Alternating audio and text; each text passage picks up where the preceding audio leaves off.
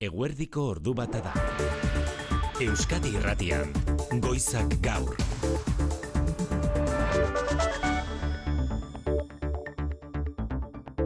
Arratxalde on guztioi, gaurkoa berez laneguna izan da ere jendetza dabil Durangoko azokan, zubia dela eta ikastetxetan eskolarik ez duten arren, ikasle goiza antolatu dute azokako bigarren egun honetarako, eta handik eta hemendik bertaratu dira ikasleak tokian tokiko ikastetxeek animatuta. Hortuiatik etorri gara, eskolarekin etorri gara, firmatzeko eta gauzak erosteko. Hoi hartzen nik. Ba, liburuak eta diskoak eta arropa eta begiratzen. Ikastolatik proposatu ziguten ibilalde bat iteko eta honea etorri ga. Altxasutik. Ez da lehenen urtea. Jo, ba, igual liburuak erosteko edo da, zerbait. Etorri gara institutuarekin. E, Iruñatik, liburuak ikusi eta ambienta ikusi. Durangoko azokak eta euskal kulturak etorkizuna izango badute, gaur egungo gazteen interes, borondate eta bultzadaren araberakoa izango da, eta hortik azokara gaur ikasleak eta bihar gazteak erakartzeko asmoaren garrantzia.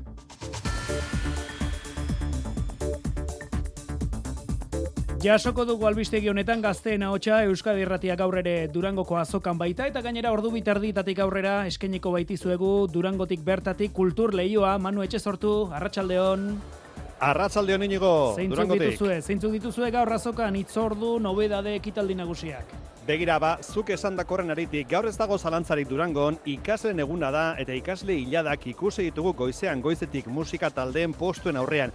Ikusi egin bar da, adibidez, oraintxe bertan ze hilada luzea daukan pello reparaz. Zetak taldekoak diskoak firmatzeko. Zetak, goazen, ETS eta disko berria aurkeztu den bulegoren mailaren aurrean jende ugari. Entzuna daukazu inigo, gerediak elkartekoek kezka dirazi dute egun hauetan, gazteak euskal kulturatik urruntzeko arrisko ikusten dute, ba arrisku hori ikusten du bulegoko ton lizarazuk ere, baina horren aurrean zer egin beharko litzateken ere esan diguentzun. Bai, nik uste dut arriskoa bertan dagoela, ez? Azkenean gaur egun ba, bueno, e, input asko daude kulturalak eta beste hizkuntzatatik datozen inputak ere ba handiak dira eta nik uste dut ba, bueno, egin behar duguna dela sorkuntzarekin jarraitu, alik eta sorkuntza honena eskaini gaztei eta eta erakutsi euskaraz gauzak gauzak ondo egin aldirela, gauza interesgarriak egin aldirela eta eskaintza polit bat eskaini aldugula, ez? Eta inungo konplejurik gabe lanean jarraitu euskarari ba, bere tokia tokia emateko. Ikaslegunean bestalde inigo liburu aurkezpenek ez dute atxedenik, ordunetan Estitxu Fernandez ari da bere liburu aurkezten, sortze berri bat, gero etorriko dira Arkaitzkano, Goiatz Labandibar, Xaber Mendiguren eta Abar luze luzea. Ordu biterdietan kulturleioa, Euskadi Erratiko kulturleioa gaur azokatik, entzun ondo Nerea Loyola idazlea, gurekin Gaizka Txamizo, aktore eta idazlea, eta gainera emakume zinegilen topaketak puri purian dagoen gaiaz, zaintzari buruz, eta horrentxe bertan inigo konfirmatu digute, gurekin izango dela itziar ituño aktore entzutetsua. Ba. Berri emaile Durangotik. Gomita, gomita eginda Manu, gero arte. Aio! Gainerakoan eguneko lerroburu nagusietan, igotz alkorta arratsaldeon. Arratsaldeon inigo. Bere ala joko dugu Bruselara inteligentzia artifiziala arautzea helburu hartuta Europar Batasuneko estatu kideak eta Europarlamentu, Europako Parlamentuko kideak negoziatzen aritu baitira hogeita lau orduz jarraian munduan eredu izan nahi duen legea adostu nahian. Etena egin dute orain itxura batean Europar Parlamentuak zorrotz jokatu nahi du inteligentzia artifizialak herritarron eskubidetan izan dezaken eragina nolabait mugatuz, estatukideek aldiz segurtasuna argudiatuta zabalago jokatzea nahi dute. Beste hainbat neurritan adostasuna badagoela dirudi, esaterako inteligentzia artifizialak sortutako irudi edo produktuek nola sortuak izan diren argi adirazi beharko dute. Atzera etxean, Euskal Autonomia Erkidegoan herritarren kezka nagusiak lan merkatuari, osasungintzari eta etxe bizitzari lotutakoak dira jaurlaritzaren soziometroaren arabera. Azaroan egindako soziometroak dio lan merkatua dela herritarren kezka nagusia, naiz eta hamarretik zazpi baino gehiago dioten egoera ekonomiko pertsonal oso ona dutela. Jaurlaritzaren politikez galdetuta, etxe bizitza eta osasungintza politikek jasotzen dute balorazio kaskarren aurrenkera horretan, bestalde Araba Bizkaia eta Gipuzkoako hamar herritarretik seik diote ez dutela politikarekiko interesik. Inigo Urkullu da lehendakaria da baloratuena oraingoan ere bere erreleboa jakin aurretik egintzen galdeketa. Lizarran, eunka lagunek egin dute manifestazioa gaur goizean, bertako ospitalean erditzeko aukerarik ez dela egongo jakin ostean, Lizarrerriari zerbitzu ematen dion ospitalea usten ari dela salatu dute. Lizarraldea sore muzabala da eta emakumeak geltuko dira arreta puntu batetik oso urrun. Eta hau betirako hola gelditzaren beldurrarekin gaude. Orain gertatu dena dela, ba, aurretik datorren zerbaiten ondorioa, eta ez duguna hartu nahi da momentu hontan kentzea zerbitzu bat, ba, oinarrizkoa dena.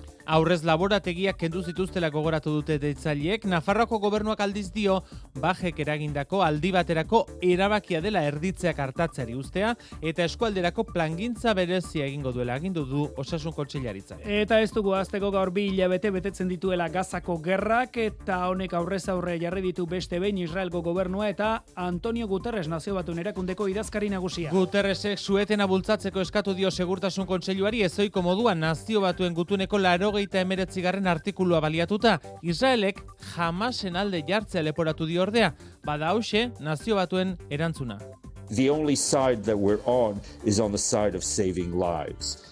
Jamasen you alde beharrean bizitzak salbatzearen alde daudela adierazi du Estefan Dujarritz nazio batuen erakundeko bozera maila. Karlo militarrean gerra hasi zenetik, orain arteko aurrez aurreko gogorrenak izaten ari dira Gaza ipar zein egoan, Israelgo armadaren eta Jamasen artean. Jaso dezagun eguraldiaren berri, jaionen monarriz euskal metarratxaldeon, Kaixo Arratsaldeon. giroa makurtu da, eh?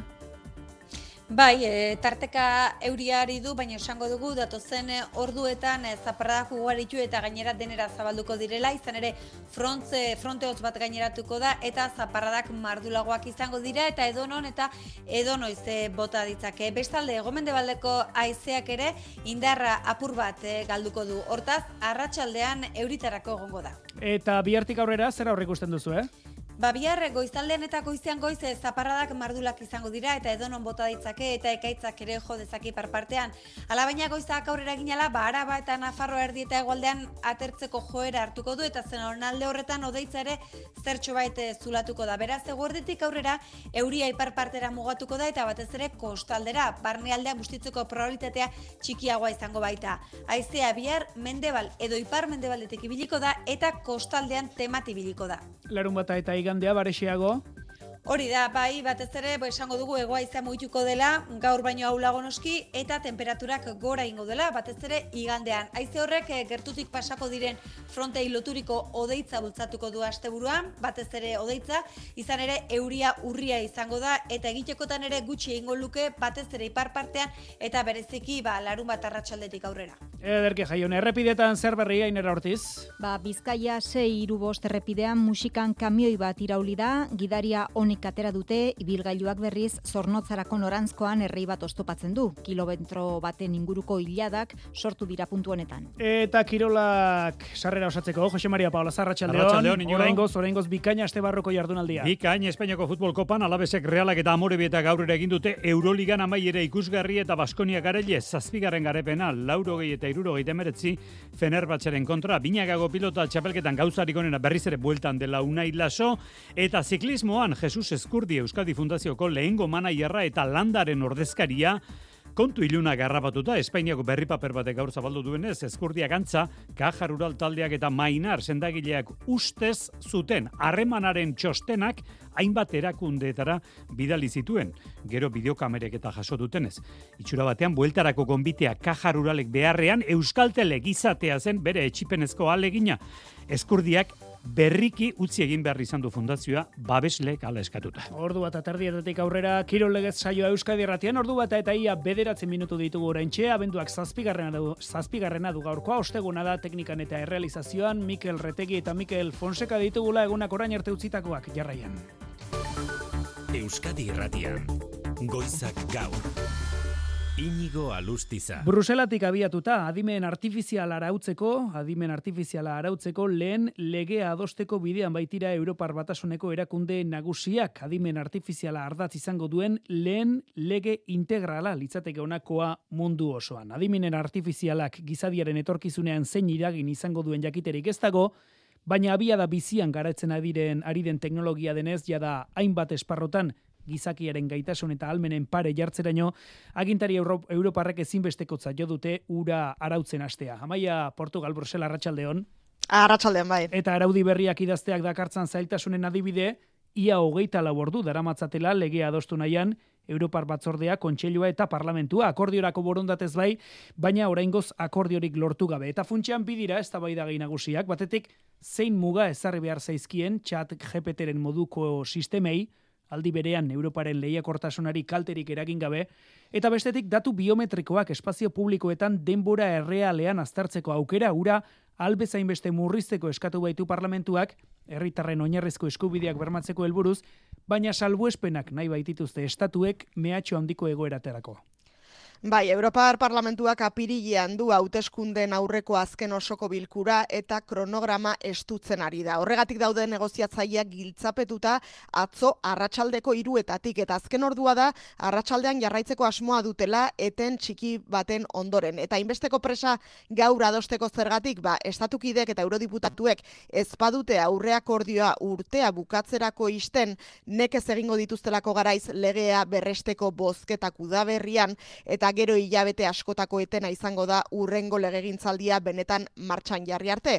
Horregatik behar dute legea orain adostu. Bada gela itxi horretatik, albiste honak batetik badirudielako akordioa badutela txat GPTaren gisakoak arautzeari dagokionez eta ez da gai erraza garatzen jarraitzen duenez goia non izan dezaken jakin gabe jarri behar dizkiotelako mugak. Hori itxita beraz itxuraz, baina nonbait negoziazioetako puntu beroa da orain denbora errealean eta espazio espazio publikoetan baliatzen diren tresna biometrikoekin zer egin. Esan duzu, eurodiputatuek ez dute nahi alako tresnek unean bertan edo zein herritari atxilotzeko aukera ematerik, beren proposamena da trukean ba tresna biometriko horiek grabatutakoak gero behatu alizatea agindu judiziala baldin badago. Baina, estatukideek salbuespenak nahi dituzte segurtasunaren izenean eta badirudi hor dagoela negoziazioen koska orain. Esandakoa, arratsaldean jarraitzeko asmoz, beraz, hogeita lau ordua gaindituko dituzte. Ba, hortxe, koska nagusia ikusiko dugu, lege azkenean adosten duten ala ez, itxura da baietz, eta ala balitz, lege honek eragina izango du, Googleek kaleratu berri duen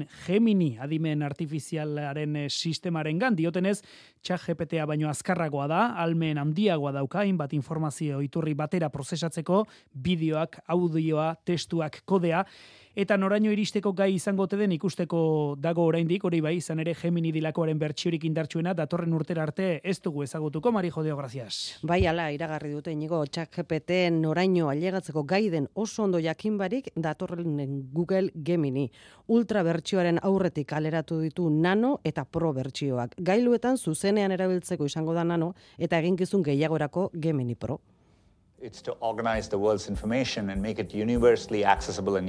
Erabilgarriagoa egingo omendu informazio tresna berriak, sudar pitxai Google buruaren arabera, ala ere, orain behintzat euskaraz ez du ulertzen. I am an LLM trained to respond in a subset of languages at Hori this esan time. digu proba so I egin can't dugunean, eta Olatz Perez de Briñasprek faktoria saioan esan digunez hori ere etorriko da ala ere, eh? eta estrategia bi planteatu ditu. Simpleena, itzultzaile automatikoaz baliatzea, eta bestea, ikerketa algoritmo horiek eh, behar dituzte datu pilo bat. Eta ez ditugu eukiko, orduan algoritmo horiek ez digute balio. Algoritmo horietan ikertu behar dugu, beste algoritmo batzuk bilatu behar ditugu, beste estrategia batzuk. Eta horretarako behar da ikerketa, lana, dirua eta ikerketa gehiago. Zergatik, ba, hizkuntza eredu erraldoi hauek hizkuntzaren gramatika, hiztegia eta semantika ikasteaz gainera, testuak zeri buruz ari diren ere ikasten dutelako testu hauek hitz egiten bali badute kultura anglo horri buruz, ikasten duen hori ere da horri buruz. Orduan, non gelituko dia Euskaldunon pilota partidak, boteoa, Sagardotegiak, Santo Tomasak, Goenkale, edota Durangoko azoka. Ba, atzo bertan Durangoko azokan aritu ziren hain justu era horretako teknologia komunitatean duen eraginaren inguruan. Iza ere, adimen artifiziala erabiltzen da esate baterako, gizarte laguntza eskariak ebaluatzeko, edo kaleak zaintzeko, edo delitua egiteko aukerarik dagoen zehazteko, eta nola ba, datu mordoa sartuta sistema automatikoetan, gizabanako ondatuak. Horregatik esaterako Amnesty Internationalen kezka, adimen artifizialean oinarritutako teknologia arriskutsuak debekatu beharko liratekeela uste du erakundeak, oraingoz ez da horrelakorik gertatuko, hortaz erabilera egokia ikastea dagokigu denoi. Goizak gaur. Ordu bata eta malau minutu, lan merkatua, osasungintza eta etxe bizitza horiek dira Euskal Autonomia Erkidegoko herritarren kezka nagusiak, hori da, hori da jaurlaritzaren azken soziometroak utzi duen ondorio nagusietakoa, e, azaro amaieran egindako ikerketa da, alegia inigo urkullu lehendakari ez dela izango jakin aurrekoa, eta beste lerroburuetako batain zuzen ere horixe da, urkullu bera dela puntuazio altuena jaso duen buruzagi politikoa maialen narratibel. Bai, arratsaldeon Euskal Autonomia Erkidegoko herritarren kezka iturri nagusiak dira lan merkatua, osasungintza eta etxe bizitza orden horretan. Azken soziometroaren arabera biztanleen euneko irurogeita marrek baino gehiagok uste badute ere egoera ekonomiko pertsonal oso ona daukatela, askori, ia erdiari, lan munduak eragiten die ezin egona. Eta hain zuzen, jaurlaritzak alor horietan, enpleguan, osasungintzan eta etxe bizitza gaietan egindako politikek jaso dituzte valorazio kaskarrenak. Azken urtean, koska bat gora egin du gainera tonu kritiko horrek eta bere horretan mantentzen da politikarekiko batere interesik ez dutenen kopurua. Amarretik sei dira. Edo zen kasutan, ea jotak jarraitzen du izaten herritarren aldetik onespenik handiena duen alderdia, irurogeita bosturtetik gorakoetan batez ere, amarretik boskoma biko puntuazioa lortu du eta ondoren datoz, PSE, EH Bildu, Elkarrekin Podemos, Ciudadanos, PP eta azken postuan Vox puntu bakarrera iritsi gabe. Hildo beretik, inigo urkuiu da urten ostera valorazio altuena jaso duen buruzagi politikoa, amarretik boskoma seiko puntuazioarekin eta nerea kortajarenak jarraitzen dio bigarren postuan bosteko notatik pasata. Aldiz, suspensoa jaso dute gainontzeko guztiak, miren gorrotxategik, eneko handuezak, Javier de Andresek eta Amaia Martinezek. Gainontzean, Espainiarrak ez Euskal Herritarrak sentitzen diren herritarrak dira euneko berrogeita iru, baina gero hori ez da islatzen independentzia gogoan bi puntu jeitsi baita independentziaren aldekoen kopurua euneko hogeta biraino, euneko hogeita mazazpi berriz dira kontra daudenak eta geroz eta gehiago zalantza daukatenak. Nafarroako gobernuan bestalde izendapen baten berri, Patricia Fanlo izango da aurrerantzean, Juan Cruz Zigudosaren ordez, Nafarroako gobernuko unibertsitate berrikuntza eta eraldaketa digitaleko kontxellaria gogora dezagun Zigudosa Espainiako gobernuko berrikuntza idazkari izendatu berri dutela, patxirigoien iruina arratsaldeon. Arratsaldeon datorren astelenean jabetuko dakarguaz Nafarroako jauregian fanlo parlamentari izan zen aurreko legealdian eta aurretik iruñeko udaleko zinegotzi ere izan zen asiron buruzen udal gobernuan.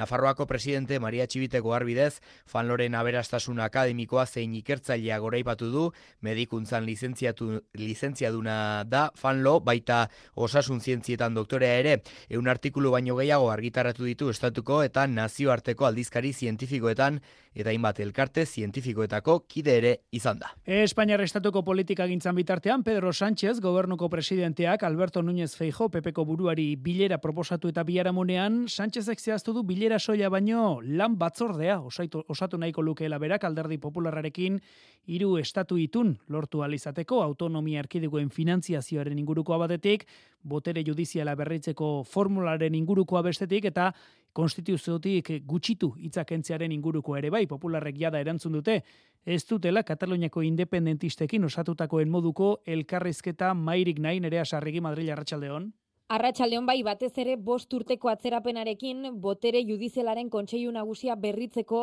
lan batzordea sortzea proposatuko dio Pedro Sánchezek Alberto Núñez Feijori bien arteko bilerak ez du oraindik datarik baina hilabete honetan izango dela diote sozialistek. Yo le digo que sí existe el lawfare en España, es el que practica el Partido Popular. El lawfare es la politización de la justicia. No hay mayor que llevar cinco años bloqueado el Antena 3en egin dioten elkarrizketan, epailen aginte organo nagusiaren blokeoa lawfare kasu argia dela salatu du Sánchezek. Amnistia legea, peperentzat beste aitzakia bat besterik ez dela eta popularrek ere onartu izango luketela, boxen menpe izan espalira. Alerdi popularrak dio ez duela bilera deialdirik jaso, baina lan batzordearen ideiak ez ditu konbentzitzen, ez dute elkarrizketa mairik nahi kukagamarra. Como no ha aclarado si esa hipotética reunión va a ser en territorio nacional, si va a haber mediadores o no, lo que queremos aclarar es que el Partido Tentsioa Popular... pesoeren eta peperen artean eta baita Podemosen eta Sumarren artean ere. En komu Podemek Sumar utzi duten bost diputatu morei eskatu die diputatu aktak ere usteko eta gaur Sumarrek esan du erabaki koherentea litzakela hori. Ekialde hurbilean bi hilabete gaur gazako gerrak eta beste sueten bat izoiko neurri hartu du Antonio Guterres nazio batuen erakundeko idazkari nagusiak segurtasun kontseiluari dei berezi egin di horretarako nazio batuen gutunaren laurogeita emeretzi garren artikulua erabilita lehenbiziko aldia da Guterresek mekanismo hau erabiltzen duena eta Israelek jamasen alde posizionatzea leporatu dio landerra izagirre arratsaldeon. Arratsaldeon bai nazioarteko bakea eta segurtasuna arriskuan ikusita eta dei berezi egin dio Antonio Guterresek nazio batuen segurtasun kontseiluari hau da, erabakiak hartzeko benetako boterea duen erakunde bakarrari. Historia osoan bosgarren aldia da, idazkari nagusi batek larogeita emeretzigarren artikulua erabiltzen duela. Azken aldia, mila bederatzireun eta larogeita bederatzian izan zen Libanoko gerran, baina mekanismo honek bere horretan ez du gatazka bat geldiarazteko balio. Horren ordez, segurtasun kontseiluan, esoiko bilera deitzeko botere ematen dio idazkari nagusiari eta bertako kidei atentzio eman eta presio gehiago egiteko. Guterresen ekimena babestu egin dute herrialde arabiarrek, baina jamasen alde lerratzea leporatu dio Israelek. The only side that we're on is on the side of saving lives. Hamasen Uh, alde beharrean, bizitzak salbatzearen alde daudela erantzun du Estefan Dujarric Guterresen bosera maleak, ala ere gazan bertan ez dago zuetenerako asmorik, Israelgo armadak jaia sinwar jamaseko buru militarra harrapatu edo hil nahi du garaipen simboliko bezala aurkezteko. Estatu batuak bestalde Ukrainari laguntzeko diruri gabe geratzen ari dira. Kongresuak onartutako eunda amaika mila milioiak agortzear dira eta errepublikanuek senatuan laguntza gehigarria blokeatu egin dute. Bidenek Putin aurre egiteko behar beharrezkoa dela esan duen arren, Errepubli- errepublikanuek ez dute bai eskorik emango Bidenek hainbat baldintza bete arte, New York, Jerai Diaz. Errepublikanoek kiebera laguntza gehiago bidaltzearen truke Bidenen gobernuari migrazio politika gogortzeko exigitzen diote. Besteak beste, Mexikoko muga gehiago blindatuz. Bitartean, senatuan gutxiengoa izan arren, blokeatu egin dute Bidenen laguntza pakete gehigarria. Ukrainarako, irurogeita bat mila milioi dolar gehiago daude pakete horretan, eta Israelerako amalau mila milioi. Bidenek bi laguntzak pakete berean sartu zituen onartzeko errazagoa izango zelakoa, baina ez dio balio izan. Senatuko bozketa baino lehen, etxe zuritik laguntza onartzeko erregutu du. This cannot wait. Congress needs to pass supplemental funding for Ukraine. Kontrakoa Putinentzat oparirik onena dela adierazi du. If Putin takes Ukraine, he won't stop there. Eta kongresuari ohartarazi dio Putin ez dela Ukrainan geldituko gero aratago joango dela. Blokeoa berritxarra da Bidenentzat eta Zelenskirentzat. Laguntza berria onartzea lortzen espadute urtea amaitu baino lehen ez da dirurik egongo kiebera bidaltzeko. Eta Pekinen bilera garrantzitsuan dira Europar Batasuna eta Txinako gobernua, Xi Jinping presidentearekin elkartu dira Ursula von der Leyen eta Charles Michel, Europar Batzordeko eta Kontseiluko presidenteak, bi potentzien merkataritza berbideratzea da bilera honen helburua, bai baitituzte eztabaida gaiak, mai gainean aztertuko dugu hauzi hauetako ibilera honek eman dezakena, ordubietako albistegian Mikel Aramendi adituarekin. Ordu bat eta hogeita bi minutu eus Espainiako auzitegi gorenak zigorra berretsi dio eroski taldearen menpeko zekosa hipermerkatu kateari Cristina Zifuentes, Madrilgo presidente hoiaren dimisio eragin zuten lapurreta grabazioak berbezela ezaintziagatik. 2000 eta maikako bideo horretan ikusten da Zifuentes krema batzu lapurtzen eroski supermerkatu kateko supermerkatu batean. Zazpi urte beranduago zabaldu zen bideo hori hainbat komunikabidetan eta esan bezala ark puztutako polemikaren ostean dimisio eman behar izan zuen Zifuentesek. Eta auzitara jo zuen eroskiren aurka ba orain supermerkatu kateak hogeita mila euroko kalte ordaina ordaindu beharko dio Zifuentesi, gorenak frogatutzat eman du intimitate eskubidea urratu zitzaiola. Lizarran bestalde, sarrera nabarmendu dizuegu, aserrea eta egonezina nabaria dela osasun kontseilaritzak iragarri ondoren, bertan bera uzten duela Lizarrako ospitaleko erditze zerbitzua. Aldi baterako etena dela dio, foru gobernuak, eskualde horretako emakumeek iruñera eta tuterara jo beharko dute ondorioz erditzera, Eta Lizarran ehunka lagun batu dituen manifestazioa amaitu berri dute ospitalea zerbitzuz usten ari direla salatzeko Eli Eraso Lizarra Arratsaldeon. Tira, badirudi eragozpenak dugula Lizarrarekin bat egiteko eta manifestazio horren berri jakiteko jasoko dugu al dugunean eh, informazio hori. Bilbon bestalde kontrolpean dago ikastetxe batean atzemandako estreptokoko bakterioaren brotea. Jaurlaritzako osasun sailak baiestatu du. Hiru kasu hartatu dituztela erietxean baina ez dela kutsatze gehiago egon. Hala ere zaintza protokoloa 30 egunez izango dute indarrean Marijo Ere streptokoko bakterioa oso kutsakorra da, hala aur- aurkeztu du eta azaldu du Juan Delarko Bizkaiko farmazialarien elkargoko kideak egun Euskadin.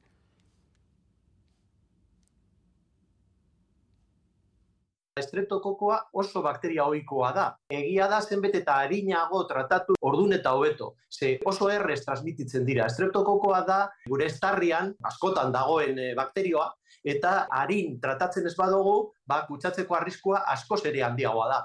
Horregatik ere osasun zailak zaintza protokoloari eusten dio, horrela zehazten baitu jaurlaritzaren zaintza epidemiologiko zerbitzuak kasu horietarako, estarriko bakterioa amoxizilina antibiotikoarekin tratatzen da, botika oso eraginkorra bakterio horri aurre egiteko, kutsatzea harreman zuzena izan ezkero edo kutsatutako objektuen bitartez gertatzen da, eta tratamendu hasi eta hogeita lau ordura arte kutsatu daiteke. Dagoeneko astebete baino gehiago igaro da, Bilboko ikastetxean eh, antzemazenetik, iazko abenduan osasun osasunaren mundu erakundeak bakterio horren eh, kutsatzeak Europan gehitu zirela ohartarazi zuen hala ere, osakideratzen 2018ko txosten baten arabera, azken 15 urtetan brote bi baino zira egon Euskadin. E, orain Lizarrarekin bat egiteko moduan garen, Lizarrak ospitaleko erditze zerbitzua itxi dutelako aserrea eta egon ezin adirazteko manifestazio jendetxu egin baitute bertan, Eli Eraso Lizarra Arratxaldeon. Arratxaldeon bai ba, eunka lagun etorri dira, Lizarrako errekoleteen plazatik, Garzia Orkoien erietxeraino, manifestazioan, Lizarreriko emakumeak bertan erditu daitezen, zerbitzua bermatu dezala eskatu diote osasun departamentuari, gaur, bizitokiaren arabera, erditzen diren emakumeak, ba, ordu bete luzeko bidea egin beharko baitute, aurra izateko.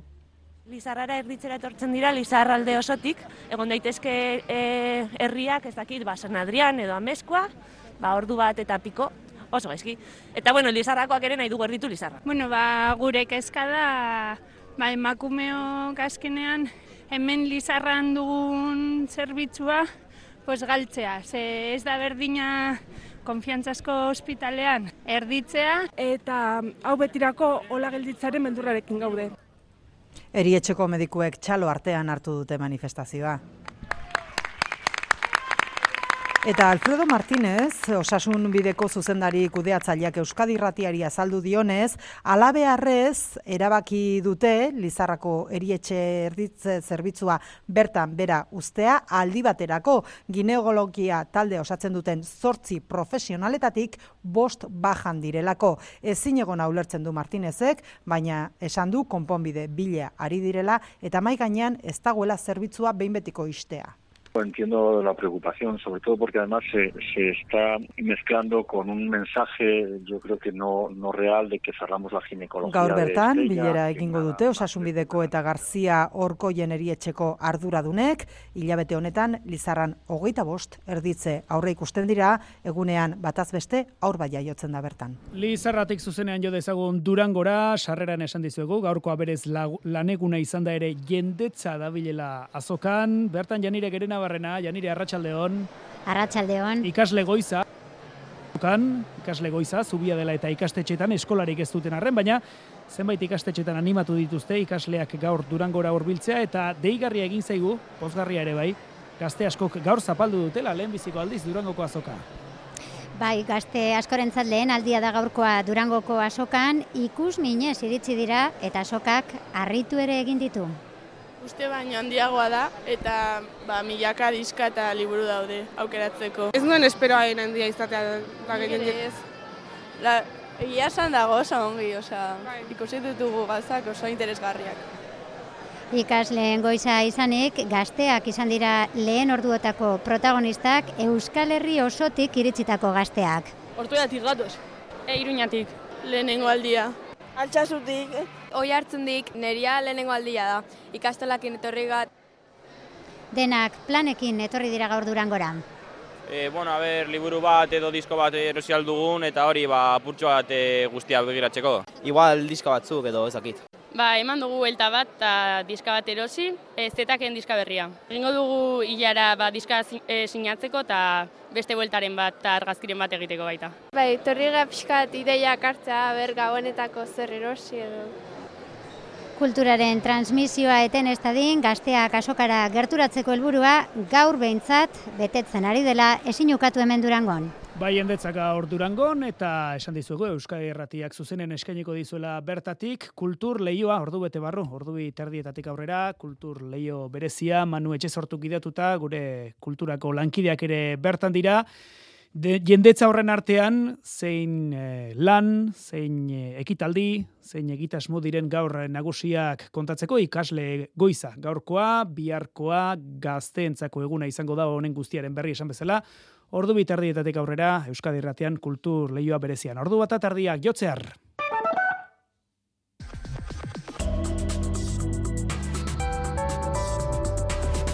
Euskadi Irratian, eguraldia eta trafikoa.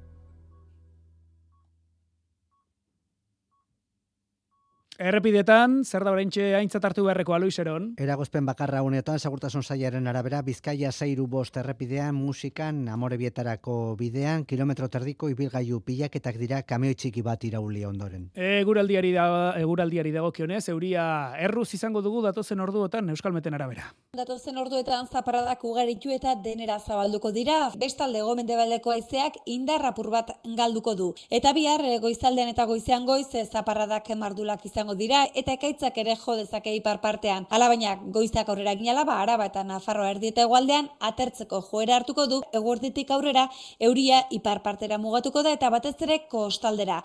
Haizea berriz mendebal edo ipar mendebaldetik ibiliko da eta bihar kostaldean temati ibiliko da.